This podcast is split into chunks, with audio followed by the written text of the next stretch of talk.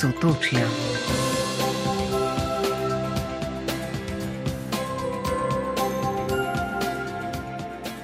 Dober večer, lepo pozdravljeni vsi, ki ste se odločili za družbo rojakov iz sosednjih držav.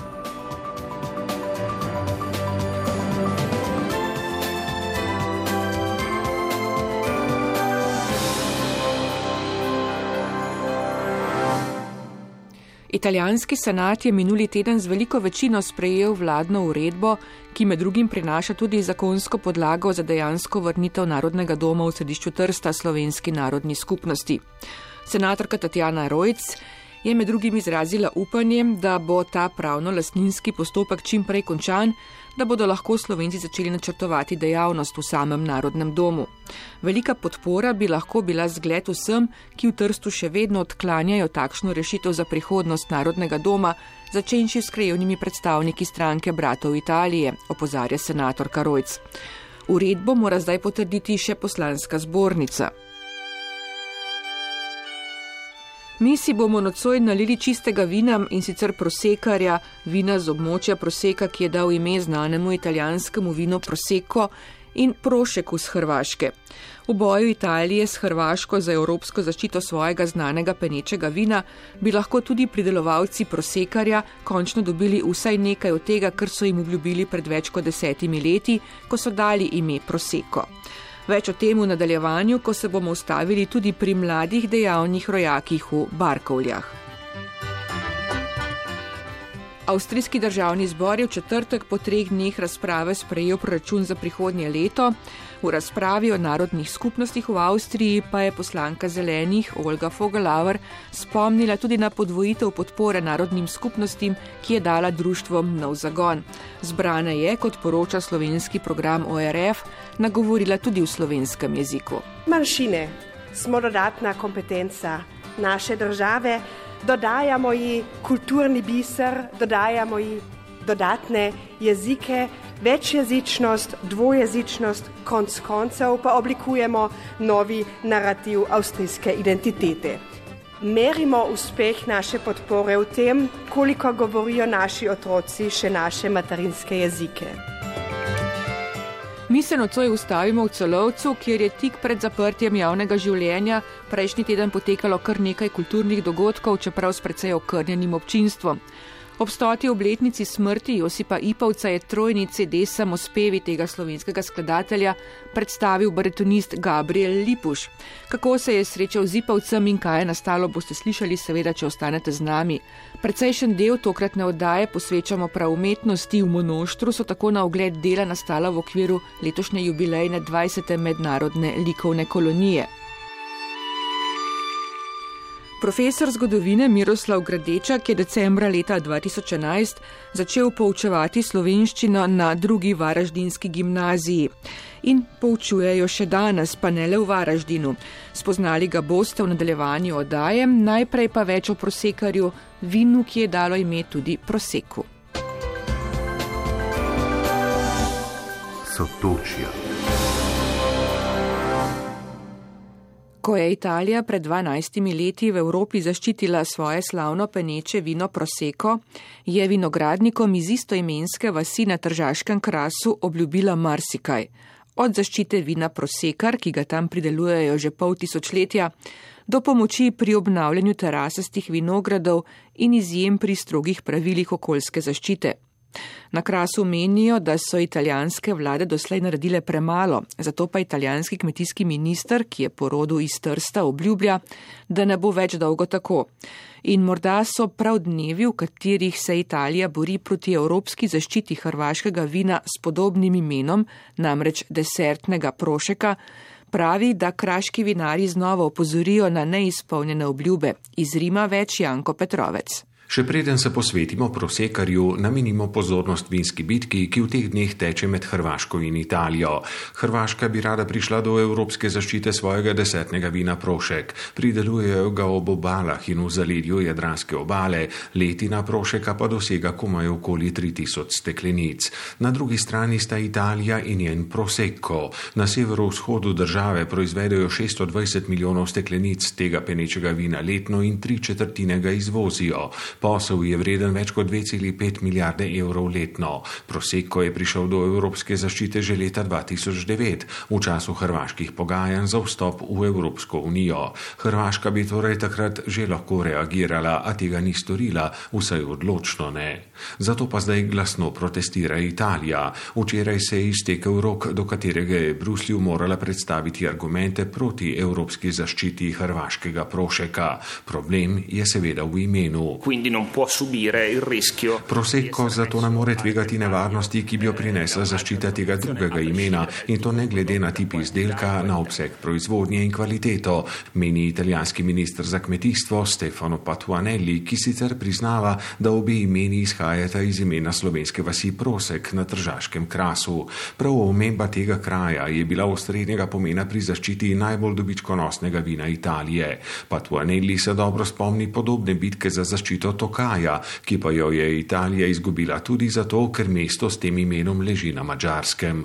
Če bodo pravila bruselske igre ostala podobna, se bo tehnica skoraj zanesljivo tokrat nagnila k italijanom. Toda v vasi Prosek, katere ime je v preteklosti navdihnilo tako ene kot druge sosede vinarje, že pol tisočletja pridelujejo svoje vino, Prosekar. Patuaneli je tržačan in na naše vprašanje priznava, da Italija doslej ni izpolnila vseh obljub, ki jih je proseškim vinarjem dala leta 9 v zameno za privoljenje, da njihov kraj vključi v zaščiteno območje vina Prosecco, pa čeprav ga tam sploh ne proizvajajo. Pridelovalci Prosekarja si želijo, da bi njihovo vino priključili v skupino vin z zaščiteno označbo porekla Friuli. Tako bi okrepili svoj položaj. Mislim, da smo se dolžni poglobiti v to temo, kar tudi počnemo. Dolžni smo se tudi posvetiti obljubam, ki so jih na krasu dobili s protokolom o zaščiti proseka. Smatram, da te obljube niso bile izpolnjene na način, ki so ga dogovorili s proizvajalci. Zato moramo uravnotežiti položaj prosekarja glede na trg proseka, ki ima svojo zgodovino, življenje in vrednost. Skupnosti, ki proizvaja kakovostno vino na kmetijsko zahtevnem območju in v majhnem obsegu, smo dolžni dati odgovore, pravi kmetijski minister. Vprašanje prosekarja je zato zelo drugačno od vprašanja zaščite hrvaškega prošeka, zaključi pa Tuanelli. Prosekar ima drugačno zgodovino in upravičeno pričakuje zaščito. Pripravljenost za to na naši strani je. Tako torej napoveduje italijanski minister za kmetijstvo Patuaneli. Kako pa komentirajo njegove izjave pri Kmečki zvezi iz Trsta, ki povezuje slovenske kmetovalce v Furlani Julijski krajini in kjer se že desetletje trudijo tudi za večjo zaščito prosekarja? Pred 12 leti, ko se je začel postopek za geografsko zaščito proseka in so morali območje razširiti na vas prosek, so temu nasprotovali, pojasnjuje tajnik Kmečke zveze Erik Masten. V pogajanji so na to dosegli podpis posebnega protokola sporazuma s pristojnim italijanskim ministrstvom in z deželo Furlanijo Julijsko krajino ter svoje nasprotovanje umaknili. Sporazum je bil obširen, torej več točk je imel. Hmm med katerimi seveda je bila med m, mm, prioritetnimi m, mm, eh, ta ovrednotenja oziroma obnova državskega brega, ki trenutno je v zapuščenem stanju. Eh, Predvsej mm, pozornosti smo posvetili tudi omejitvam, namreč državski kras je vključen v območje Nature 2000, 75 od 100 kmečkih površin je pod omejitvijo Nature 2000 in je velika težava tudi pri novih investicijah oziroma pri novih vinorodih na tem območju. Vključeno je bilo tudi ena posebna zahteva, namreč specifike tega območja in kmetijstva mm, s težavo omogočajo, da mi črpamo evropska sredstva predvidena za kmetijstvo in tu mislim predvsem na program razvoja podeželja in smo takrat zahtevali, da se v, m, mm, za to območje izdela en razvojni načrt in zagotovi določena uh, sredstva. Načrt sicer je bil izdelan leta 2011 pod imenom Masterplan, ampak je ostal na mrtvi točki. Koliko od vsega obljubljenega do zdaj pa je bilo sploh uresničenega, če kaj? Dejansko zelo malo. Mm, so Eh, preuredili dve kmečki poti na bregu in um, preuredili en majhen del uh, društva na poseku, ki je moral postati center za promocijo vina poseka oziroma tudi ostalih avtohtonih vin. In um, to se pravi precej malo. Vino prosekar z proseka ima dolgo in bogato zgodovino. Prve omembe nam segajo v 16. stoletje. Zgodovinski viri so dokazali, da o posekarju se govori že v letu 1500 um, kot eno prestižno vino iz uh, vasi Prosek, ki se je potem podajalo širom na okolje, tudi na Dunaju. O tem je omenjal tudi um, Valvazov v svoji slavi vojvodine Kranske v tem vinu in pa posebno vlogo ima tu tudi knjiga Umno kletarstvo Josipa Vošnjaka, ki je v koncu leta 1800 opisal podrobno, kako se je to vino pridelovalo. Gre za posebno vino, popolnoma različno od tistega, kar je poseko danes tako v metodi, s katerim ga predelujemo, predvsem pa v sortah, ki jih uporabljamo mm, in sicer eh, avtohtone sorte Malvazije, Vituske in Glere. Raziskave nekako nakazujejo to, da po vsej verjetnosti se je iz Tržaškega potem razvilo po, eh, po Jadranu in so ga na ta način potem Veneti ne bom rekel ukradili, ampak ga razvili tudi na lasnih terenih, na lasnih vinogradih in potem tam zaživelo to, kar danes poznamo poseko. Prosekarja letno pridelajo zgolj nekaj tisoč steklenic, zato je zanj veliko zanimanje. Na poseku se je ustanovilo tudi društvo poseka, ki mm, združuje pridelovalce tega, tega vina. Istočasno pa smo začeli en projekt pred enim letom, zato da bi prišli do enega uh, pravilnika, kako je to vino prideljano mm. in, in zato, da bi dejansko lahko tudi na tržišču zaživelo. Kaj pa pri kmečki zvezi pričakujejo zdaj, ko je v bitki italijanskega proseka in hrvaškega prošeka v novič aktualen prosekar? S pristojnim ministrom za kmetijstvo pa tu Anelijem so se pred kratkim pogovarjali, pravi tajnik zveze Erik Masten. Obljubil nam je, da bodo pred koncem leta organizirali en sestank specifično na to temo v Rimu, kjer bomo vabljeni in tako mi kot Kmečka zveza, kot tudi ostali predstavniki organizacij in tudi države, zato da pregledamo, katere so možne oblike podpor oziroma mhm. kako bi lahko izpeljali tiste obljube, ki izhajajo izpred 12 let in pa tudi kako bi konkretneje izpeljali zadevo zaščite vina poseka oziroma vina avtohtonega iz um, našega krasa, ki ni samo neko eno bogatstvo tega območja, ampak uh, verjamemo, da je tudi del kulture slovencev v Italiji. Erik eh, Masten, tajnik Kmečke zveze iz Trsta, eh, bomo spremljali seveda še naprej. A ste optimistični glede uresničitve vsaj dela tistih zahtev zapisanih v sporazumu? Ja, po 12 letih marsikdo zgubi nekako optimizem, ampak verjamemo, da mogoče v tej um, situaciji oziroma v tem trenutku se bi dalo, se bo dalo narediti en korak naprej. Od prosekarja z proseka pa k mladim v Barkovlje. plavžiš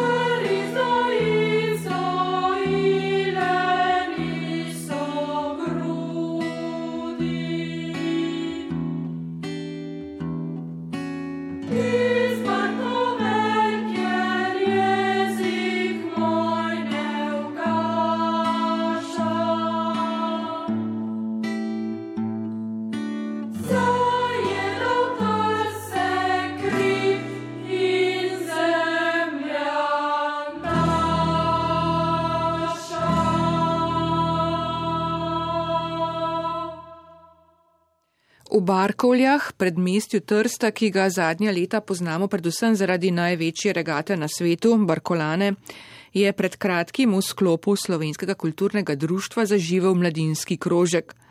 Trenutno povezuje nekaj manj kot 20 mladostnikov iz Barkoval in okolice.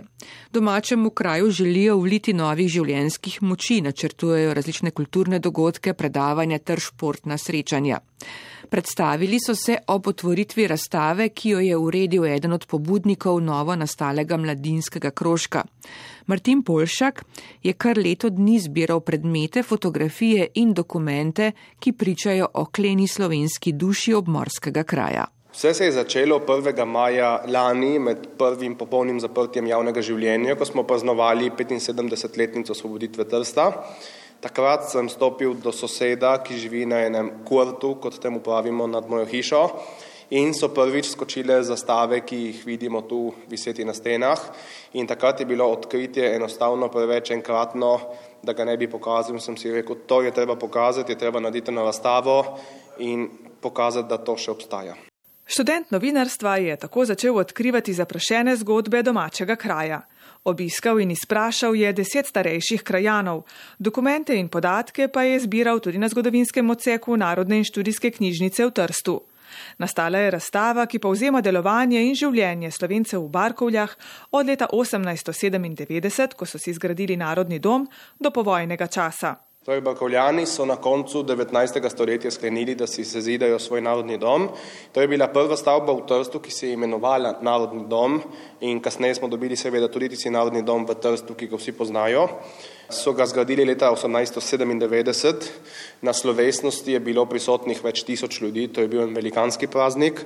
Je treba pomisliti, da takrat Barkolje so bile samo slovenske v bistvu, je bilo več kot 2000 slovencev v Balkovljah recimo prisotnih in v Narodnem domu so delovale številne organizacije, od Sokolov do moškega pevskega zbora Adria, do ženskega pevskega zbora je bila dramska skupina, je bil tam bovaški ansambel. V arhivih domačega kulturnega društva je našel šolska spričevala iz časa avstro-ogrske monarhije in jih na razstavi primerjal s spričevali, ki jih je kasneje izdajala Italija. Večina predmetov in pričevanj je vezanih na uporniško gibanje in delovanje osvobodilne fronte, ki je v Barkovljah prvič zasedala februarja 1942. Martin Polšak. V OF v Barkovljah je bilo aktivnih več sto članov, 18 mladincev je tudi padlo v partizanih in so jih pokopali na našem pokopališču. Recimo predmete, na katere so najbolj ponosni, so prav gotovo uradne zastave okrajnega odbora OF in tudi fotografije partizanskega pogreba na katerih se vidi med 40-dnevno prisotnostjo partizanov v Trstu, kako duhovnik v mašnem plašču blagoslavlja krste, ki so odete v partizanske zastave z rdečo zvezdo. Razstava vključuje tudi gradivo, s katerim so barkovljani zavezniški komisiji dokazovali svojo slovensko pripadnost. Med drugim je izpostavljen zadnji popis prebivalstva iz časa Avstro-Ogrske. Leta 1910 je v Barkovljah živelo 2081 slovencev in 458 italijanov. Danes je razmerje povsem drugačno. Slovenski vrtec in prvih pet razredov osnovne šole obiskuje okoli 70 otrok. Se pa lahko slovensko kulturno društvo pohvali z novim mladinskim krožkom. Živa Furlan. Barkovljanski mladinski krožek smo ustanovili pravzaprav mladi iz Barkove in okolice, z namenom, da bi prinesli malo mlade, sveže energije tudi v Barkovlje. In eh, v sodelovanju s Slovenskim kulturnim društvom Barkovlje nameravamo prirediti najrazličnejše dogodke, od kulturnih, kot naprimer glasbeni večeri, razstave, predavanja, tudi športne dogodke, kot naprimer turniri, izlete, pohod in tako dalje. Hkrati pa bi radi tudi malo druženja, tako da imamo v načrtih organizirati tudi kakšno manjšo zabavo. Sam pa sem se odločil, da bi vstopil v ta krožek, ker sem zelo navezan na Barkovlje, sem se rastel v Barkovljah, imam sorodnike v Barkovljah in tudi iz Barkovelj. In zaradi tega sem zelo pravilno, da recimo tudi jaz eh, preskočim na pomoč in se tega udeležim. Dodaja Janoš Gruden, študent zgodovine na Tržaški univerzi, ki si izkušnje v vlogi profesorja pripravnika že pridobiva na pedagoškem in družboslovnem liceju v Trstu. S prijatelji iz Barkove smo se vedno seveda igrali po vrtih, po, po klancih, ko smo bili mlajši. Potem smo zrasli, seveda, in zdaj se čujemo najprej v društvu, s tem BMK-jem ali pa tu pa tam po Barkovljah, tudi pri nekomu doma. Na domači kraj in zgodbe, ki jih s ponosom pripovedujejo člani starejše generacije, je navezan tudi Adam Bark. Pri pripravi zgodovinske razstave je zato z veseljem priskočil na pomoč prijatelju.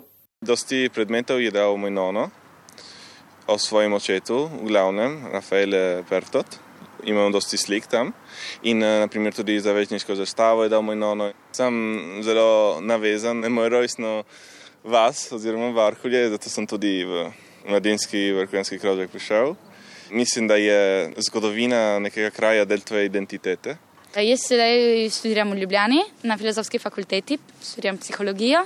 Prihodnje bi vseeno rada ostala v Trstu in tako nekako tudi pripomogla tudi v bodočnosti k ohranjanju slovenskega jezika v Trstu. Je v pogovoru pristavila Živa Furlan. Želja in načrtov za svetlejšo prihodnost slovenske duše Barkovelj ne manjka. Člani novo nastalega mladinskega krožka že napovedujejo nov dogodek. 12. decembra bo namreč minilo natanko 100 let od požiga nekdanjega narodnega doma v Barkovljah.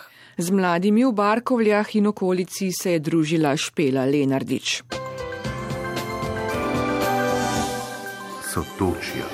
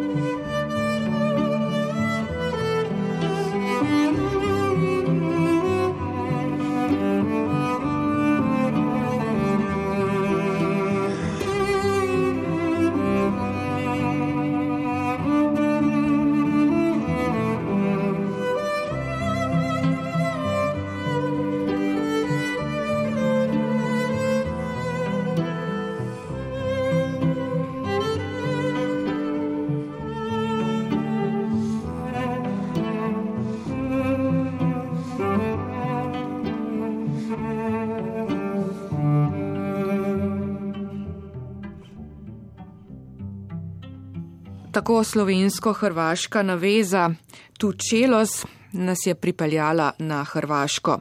Druga gimnazija Varaždin je prva srednješolska ustanova, ki je v okviru hrvaškega izobraževalnega sistema decembra 2011, torej pred desetimi leti, uvedla pouk slovenščine. Vsa leta ga uspešno vodi profesor zgodovine na tej šoli Miroslav Gradečak, dobro povezan tudi s tamkajšnjimi slovenskimi organizacijami. Leta 2015 je na svojo pobudo začel poučevati slovenščino tudi v sosednji Međimurski županiji na zasebni srednji šoli Čakovec, kjer dijake vključuje tudi v čezmejne projekte Slovenijo. Redno se odeležuje seminarjev za učitelje slovenščine, tudi nedavnega na reki, ki ga je posebej pohvalil. V pogovoru z Marjano Mirkovič pa je spregovoril tudi o srednješolskem pouku slovenščine v severnih obmejnih županijah Hrvaške. Druga gimnazija v Varaždinu je prva srednja šola s poukom slovenščine po modelu C. Ves čas poučujete vi? Letos obeležujemo oziroma nismo zaradi korone, ampak naj bi obeležili deset let pouka slovenščine na drugi gimnaziji Varaždin. Začeli smo decembra 2011 in jaz sem od začetka na naši šoli kot profesor slovenščine. Zanimanje je očitno veliko. Ja, veseli me, da zanimanje dijakov enako. Ne, v poprečju imamo okoli 60 dijakov na celi šoli, ki so razdeljeni v štiri skupine ali tri skupine, odvisno o, o možnostih ne, izvajanja pouka na šoli. Letos imamo vpisanih vse skupaj 53 dijakov. In oni se učijo od prve stopnje, torej od recimo, začetne stopnje do tistih, ki so zdaj četrteletnik naj bi dobili znanje slovenščine na B2 ravni. So kakšni dijaki, ki imajo predznanje? Tisti, ki so se učili v osnovni šoli, pridejo s predznanjem, ne? ampak so v manjšini. Ne? Na desetih osnovnih šolah v Varžinski županiji se tudi uh, lahko učenci uh, odločijo za pouk slovenščine, ki ga izvajajo moje kolegice. Ampak, kot sem že omenil, to ni nujno, ne, da se nadaljuje z učenjem slovenščine v srednji šoli, ker večina dijakov, ko pridejo prvi razred, začne od začetka. Ne. Kdo prihaja na pouk, kaj jih motivira? So to slovenske korenine, sorodniki ali morda študij?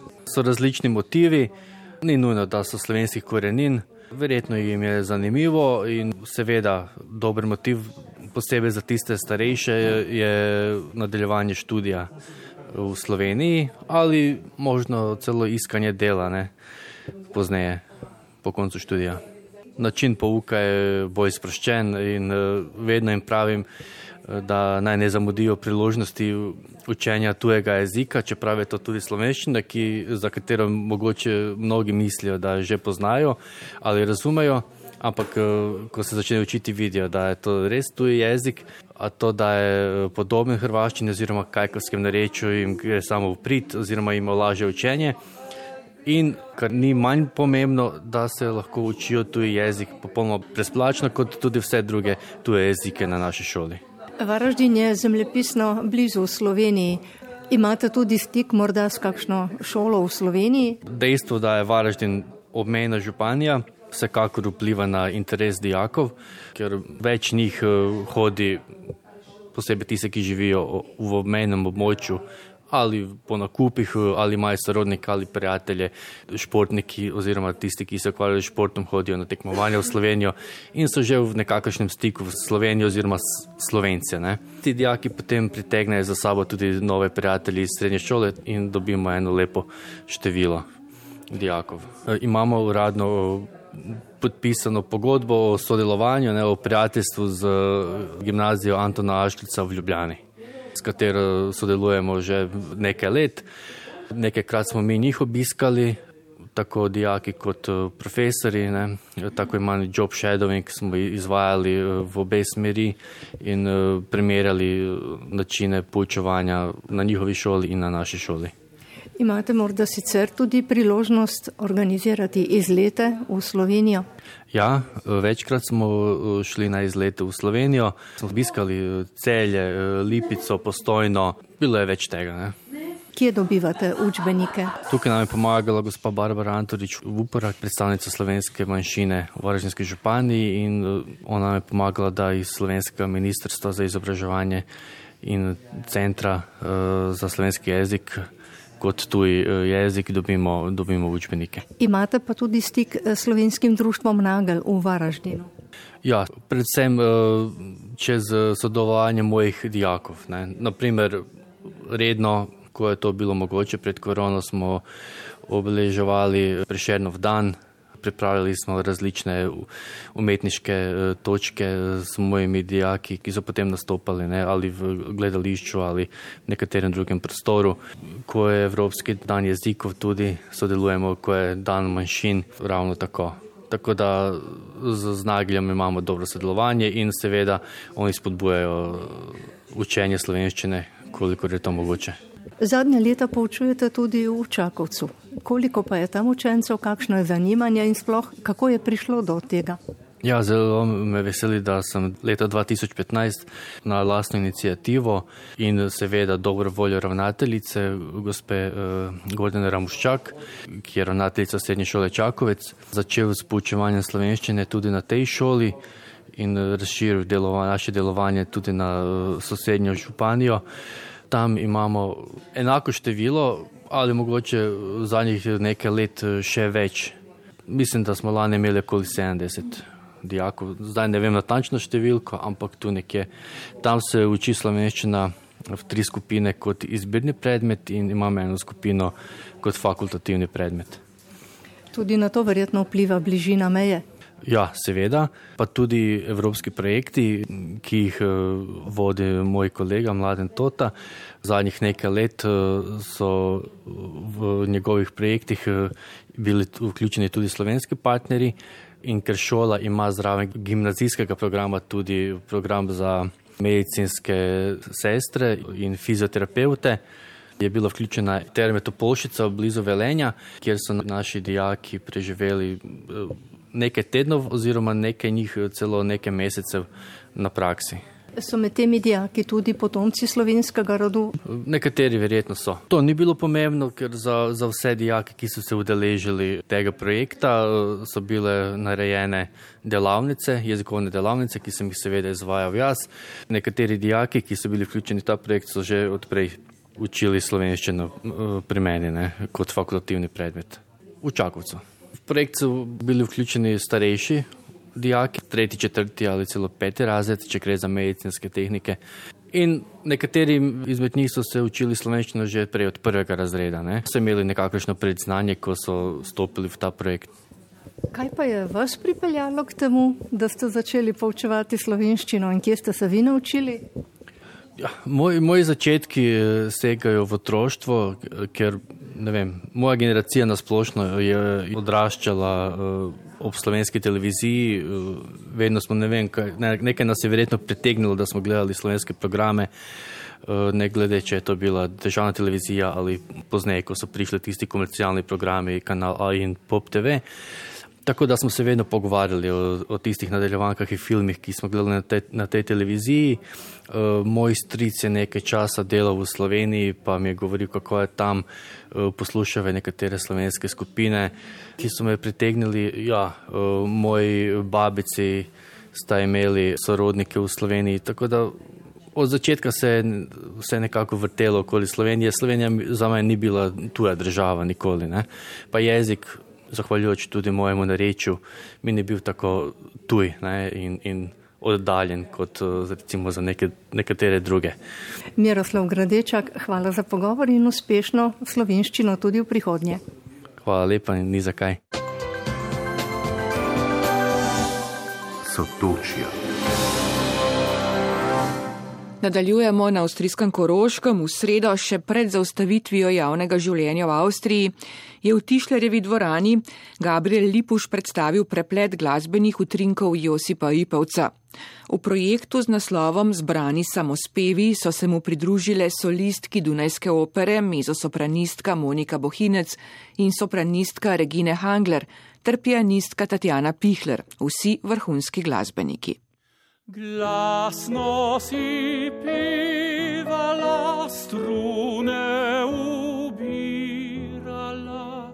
nisi pač mislila, da sem te čul. Blizu pri durih bil, tvoje sem glasen z njimi srce pojil Bogo srce. Kljuko prijemala, skorjo pritisnila, pa si ni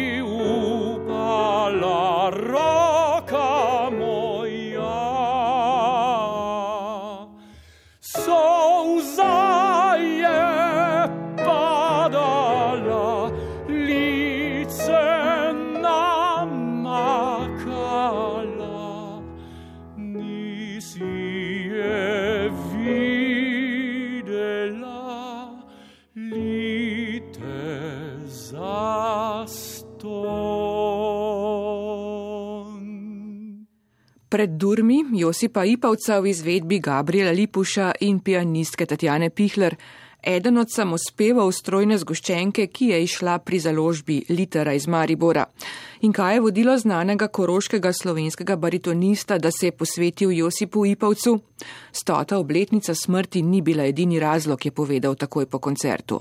Krščanska kulturna zveza je letos povabila mene kot baritonista, tako rekoč na Koroška poje. In tam sem šele spoznal, jaz sem par pesmi sicer že poznal, ampak tam sem se potem eh, nekako zaljubil v to glasbeno govorico, ki je globoka, široka in, in raznolika in bogata.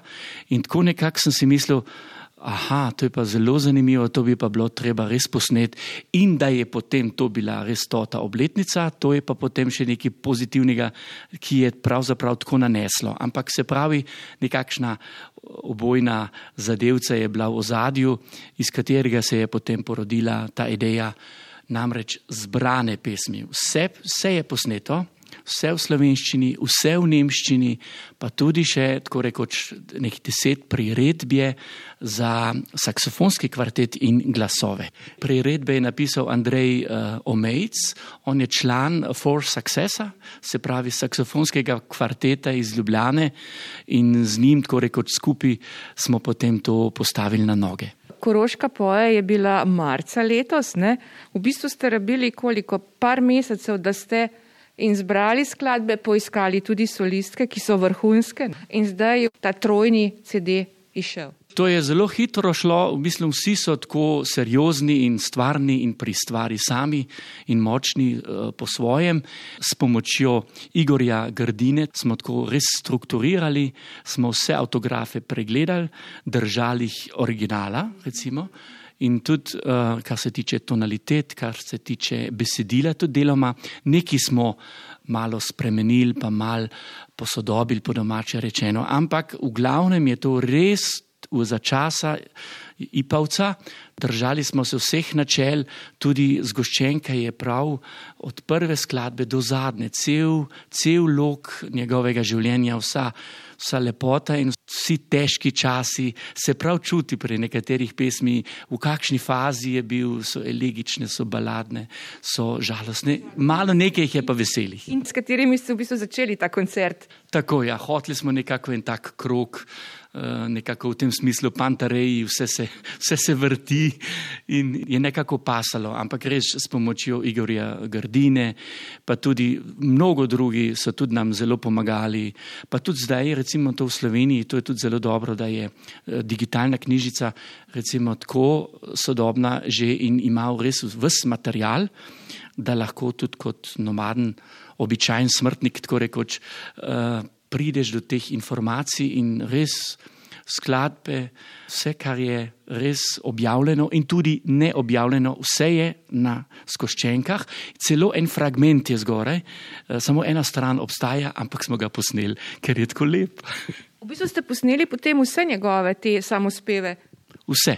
Se pravi, vse, kar je napisal, vse, kar je res iz, izročeno, natiskano in kar se pač je skupno noslo.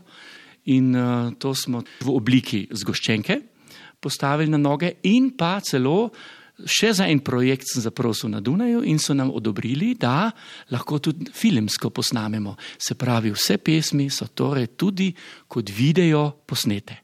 ne samo glasbena, ampak celo video predstavitev potem te dediščine Josipa Ipavca. Ne?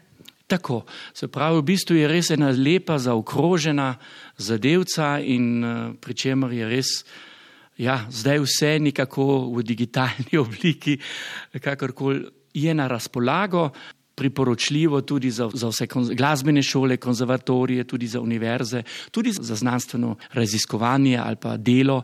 Res se vsak lahko ga loti in, in če ima kdo rad, je zdaj neki tukaj. Kako ste pa izbrali pevke, solistke, ki so sodelovali pri tem projektu? Ja, poznamo se še malo odprej, z, Regine, z Regino že nekaj časa skupaj delava in ona pozna Moniko in tako smo potem nanesli, tako rekoč spoznali tudi Moniko in tako je pravzaprav po slučaju, po potrebi, po nuji eh, vse tako nekako postalo in ratalo. Je pa tudi pianistka tu zelo pomembno vlogo imela, ne? Ogromno vlogo. Mislim, njen opus uh, je in tudi uh, včasih so nekatere skladbe so zelo zahtevne in res uh, vsa čast. In ona je pa bila moja nekdanja kolegica z Deželnega konzervatorija v Celovcu, je pa po rodu Rusinja in živi v Celovcu in vsi skupaj uh, zelo dobro sodelujemo, dobro se razumemo. Se pravi, meni osebno je ta, ta simbioza med uh, člove, človeško uh, raven, pa tudi, predvsem, kar se tiče obrti same, nekako važno. In to je bilo od vsega začetka, pa tudi saksofonski kvartet. S katerim so... sodelujete, ne tudi že. Že kar nekaj časa in kar nekaj let, zdaj že res so izvrstni fantje in, in igrajo in zelo ubrano in zelo natančno in zelo so, zelo so v redu, res. In ko smo že pri video uh, posnetkih, video skladbah, ki ste jih posneli tudi ne, na nekem točno določenem kraju. Ja, uh, bili smo v Šentjurju, prav v sobi, Ipavčevi sobi, v muzeju. Eh, sicer ni čisto zdaj korektno, kaj ti stavba od Ipavca je tako rekoč bolj ropotija in ni podrtija, ja, tako. In, in tako da smo tam eh, nasproti, tako rekoč v sobi, ki je zelo, zelo lepa, tudi občina eh, Šentjur, pa gospa Katja Ostrc, tako prijazni in tako so vsi, šli, so vsi šli na roko in, in smo res z veseljem, smo dva, tri dni tam posneli, pa tudi nagrad pod sreda v Kozjanskem parku smo bili, no tako rekoč, da smo nekako to raznolikost in to uh, bivališče ali pa tudi malo izven tega uh, posneli tudi in podali na sliko. To je eden od projektov. Je še kakšno nadaljevanje zdaj predvideno ali so zdaj v bolj koncerti, za katere pa najbrž težko rečemo zdaj, kako bo z njimi? Ne? Res je težek čas. Moram res reči, da se Krščanski kulturni zvezi zelo zahvaljujem in eh, so takoj spoznali to vrednoto in, eh, in delo Ipavca in so nas zelo podprli in zelo sem jim hvaležen, zato smo tudi danes tukaj. To je ena reč. Potem bomo pa še 23. novembra v Domžalah tam.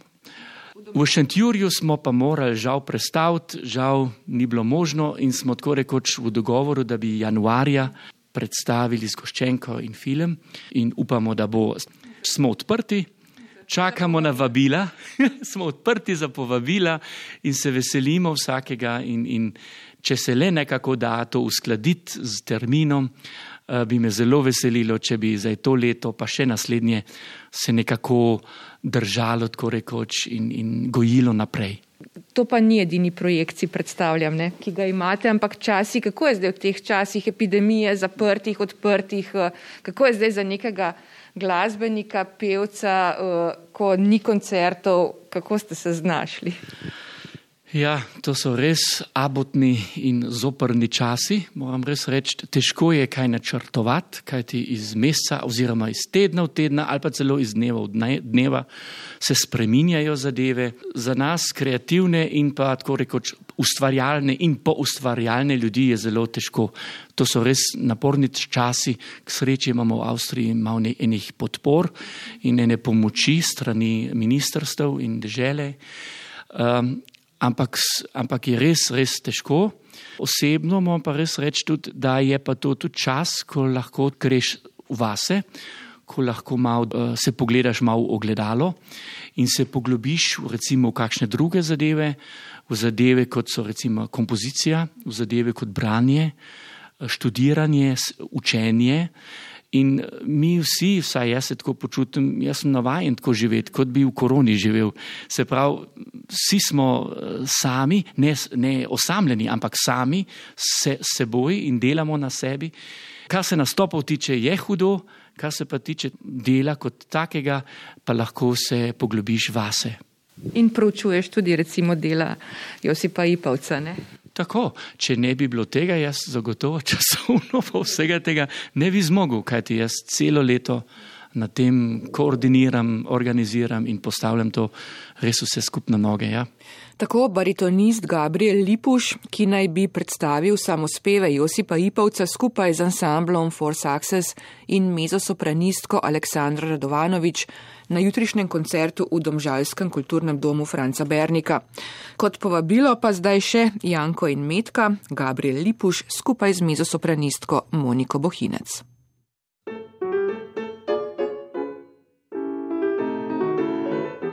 Kaj obrisaš za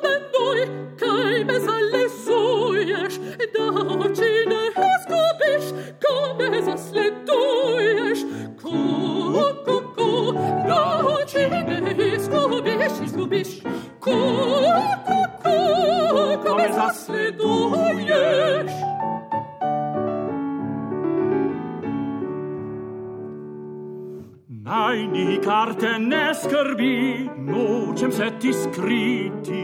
Pazi na svoj beli vrat, nočem ti ga zviti. Ko, ko, ko, pazim na svoj beli vrat, beli vrat. Ko, ko, ko,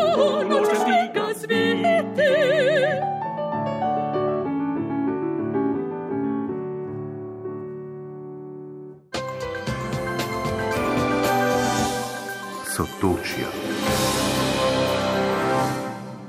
Od glasbene pa še klikovni umetnosti. V razstavnem prostoru Slovenskega doma v Monoštru je trenutno na ogled razstava del, ki so nastala na letošnji jubilejni 20. mednarodni koloniji. Več Silva Eri. Na 20. mednarodni likovni koloniji, ki sta jo v pomoči monoštrske občine sredi avgusta organizirali Zveza slovencev na Mačarskem in Galerija Muzej Lendava, je letos ustvarjalo deset umetnikov iz Mačarske in Slovenije. Predsednica Zveze slovencev na Mačarskem Andreja Kovač. Po mojem, to dokazuje to, da tudi kot gostitelji, oziroma Zveza slovencev na Mačarskem in občina, da nam uspe ustvariti eno prijetno vzdušje, kjer umetniki radi ustvarjajo.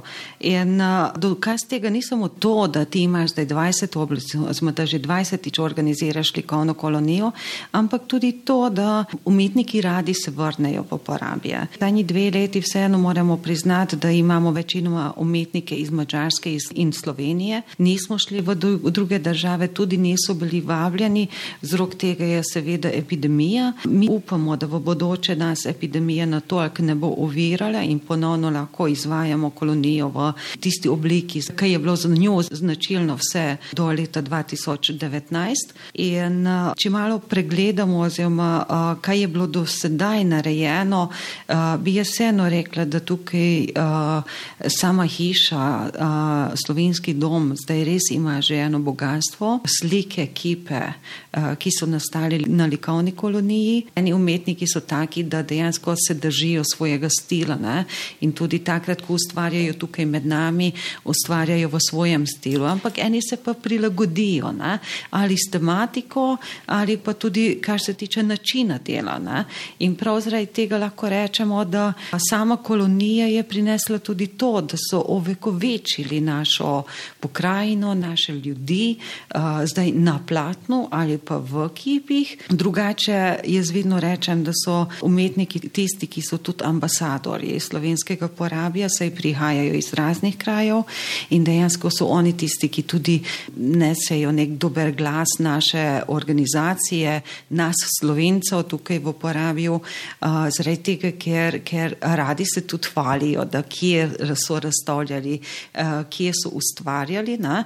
In kar se pa tiče prihodnosti, bi jaz vsekako rekla, da, da uh, to je zdaj že res ena stara tradicija in da uh, tudi v bodoče bomo vse naredili na tem področju, da likovno kolonijo lahko izvedemo.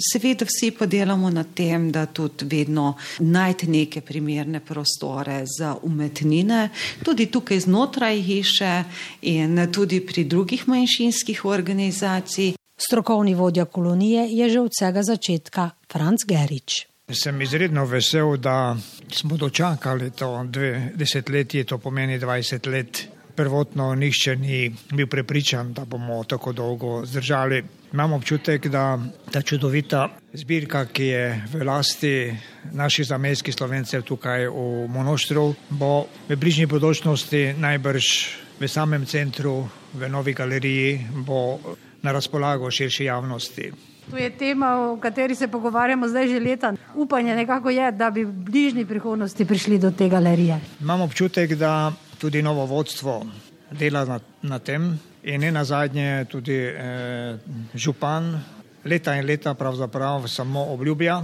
Na drugi strani pa zastojn smo ga držali za besedo v realizacijo zaenkrat še ni.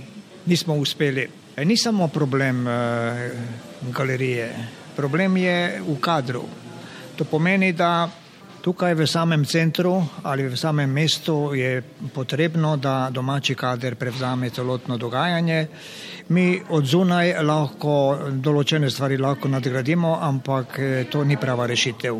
Sem prepričan, da je ena izredno sposobna mlada slikarka, ki študira na akademiji. Če ji bodo omogočili, da se vrne nazaj in lahko svojo eksistenco v samem rodnem mestu lahko ustvari, potem so dobre možnosti za nadaljni, mislim, delo. Ta zbirka je edinstvena. Nikoli nismo se ukvarjali z eh, amaterstvom. Vsak, ki je prišel na našo likovno kolonijo, vsak je imel neko referenco. In ta zbirka, kjerkoli v Evropski uniji ali izven te meje, lahko je prezentiramo uh, širši javnosti in ne bomo padli na izpitu. Moram reči, da letošnja likovna kolonija je zanimiva, ne glede na to, da ta sprememba ali ta, ta COVID Ja, zdaj že dve leti nagaja. Ne? Že dve leti smo vedno bili v strahu, ali smo sposobni to v življenje spraviti ali ne. Zaenkrat e, smo uspešni, na drugi strani izredno težko smo se odločili, kako naprej povabiti pač likovne umetnike iz Slovenije in pa iz Mačarske, nismo šli širše, ampak zanimivo je, da tudi v slovenskem prostoru živijo različne narodnosti, likovni umetniki, kot je ta uh, zanimiv uh, ustvarjalec Arkan iz Ljubljane, ki je drugače iraščan, Laslo Nemeš pravzaprav iz Transilvanije. Tako da ta druščina je bila izredno zanimiva in še enega zanimivega slikarja in tudi kiparja moramo omeniti, tega Gabor Zoltana, ki živi v Španiji, v Madridu. Več kot 42 let je sprejel naše povabilo in ki živi pravzaprav trenutno v Budimpešti. Tudi predsednica Slovenske zveze zatrjuje, da načrti in želje, da v monoštru uredijo galerijo, v kateri bi svoj prostor našla tudi dela, ki nastajajo v okviru mednarodne likovne kolonije, obstajajo. Bomo delali na tem, da dobimo galerijo, sem to je ta najhujše, oziroma že naprej govoriti o galeriji, ko nima še nič. Jaz upam, da, da nam bo na tem področju uspelo in mogoče, ko bomo imeli že kakšen pogovor, kaj jaz vem, čez nekaj mesecih bomo že lahko kaj konkretnega povedali. Ampak tudi to uh, bi bilo že izredno dobro, da imamo uh, možnost te slike, te ekipe predstaviti uh, na drugih lokacijah. Zdaj se prav o tem pogovarjamo, da naprimer narediti en zbor ne, 20 let in naprimer narediti razstavo v Ljubljani, v Murski soboti, da naj se spozna, da naj spoznajo, da naj tudi drugi vedo o tem, da, da v Monošu poteka tudi to vrstna dejavnost, da smo aktivni tudi tudi na področju likovne umetnosti in imamo kaj pokazati. Tako da tudi to je pomembno. Kar se tiče galerije, bi si izredno želeli, zaradi tega, ker res imamo o, ogromno umetnin, katere bi si zaslužile, da so na steni, da so na razgled, da niso v enem skladišču in si upamo vse najboljšega, oziroma da, da se nam bo to uresničilo. Je potem še stvar razmisleka, kako bi se tega lotili najbrž. Samo galerija ali še kaj zraven. Zdaj se vam porabcem napoveduje nekaj finančnih sredstev, vemo z obeh strani meje, lahko tudi v okviru teh projektov, tako da je to potem vse stvar razmisleka. Ja, nikakor ne bi šlo za to, da samo galerija, ampak vsekakor bi dali zraven tudi uh, druge funkcije. Sej, zdaj, če gledamo tukaj v porabi, v marsikaj nimamo, na? naprimer tudi na turističnem področju rabimo neko turistično pisarno. Zdaj, če že govorimo o pisarni, bi jaz rekla, da ne bi bilo slabo, če bi imeli podjetniški inkubator tukaj v smislu nekaj pisarn, ker vse večje je povpraševanje po slovenskih govorečih mladih oziroma kateri bi dobili zaposlitev, ne? ampak seveda zdaj večinoma gre za zaposlitev v Budimpešti ali pa nekje dlje. Gre pa za delo, ko se dela na računalniku in ena podjetja so že oziroma so a, pripravljena a, narediti to, da ne rabi biti na sedežu podjetja, ampak da imajo pisarno nekje na drugi lokaciji, da imajo tam primeren operacijski sistem oziroma računalni IT tehnologijo, ne, se tak pa tak preko spleta s pomočjo računalnikov se dela ne, in telefonov. Zdaj tudi na drugem področju, zdaj tukaj, če gledamo tudi na področju medij, bi rabili neko, neko infrastrukturo, ne, ker zdaj po enem času bomo morali ugotoviti, da je vseeno dom postal premali za, za vse te inštitucije in organizacije. Ampak dokler nimaš ti konkretne, oziroma neko pogodbo ali pa nekaj, na katero se lahko sklicuješ, do tistega časa je težko govoriti o teh zadevah, zaradi tega, ker sama ne veš, kaj lahko pričakuješ, kaj se lahko izvede, ne vemo, kako bo to potekalo. Na to se moraš ti pripraviti. Uh, to so projekti, katerega ne moreš ti iz enega dneva v drugega vložiti. Tukaj rabiš načrte, rabiš parcele ali stavbe. Zahtevni projekti. Danes moramo priznati, da tudi že pridobitev celotne projektne dokumentacije ni mal denar. Je še izpostavila Andreja Kovač.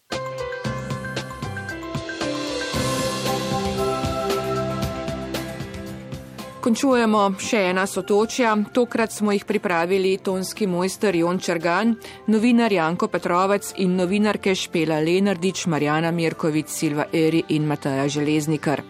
Vedno znova nas lahko poslušate na spletni strani prvega programa, kjer med dodajami poiščete sotočja. Naročite se lahko na podcast ali nas najdete v našem spletnem 4D arhivu. Srečno in nasvidenje do prihodnje oddaje. Sotočja.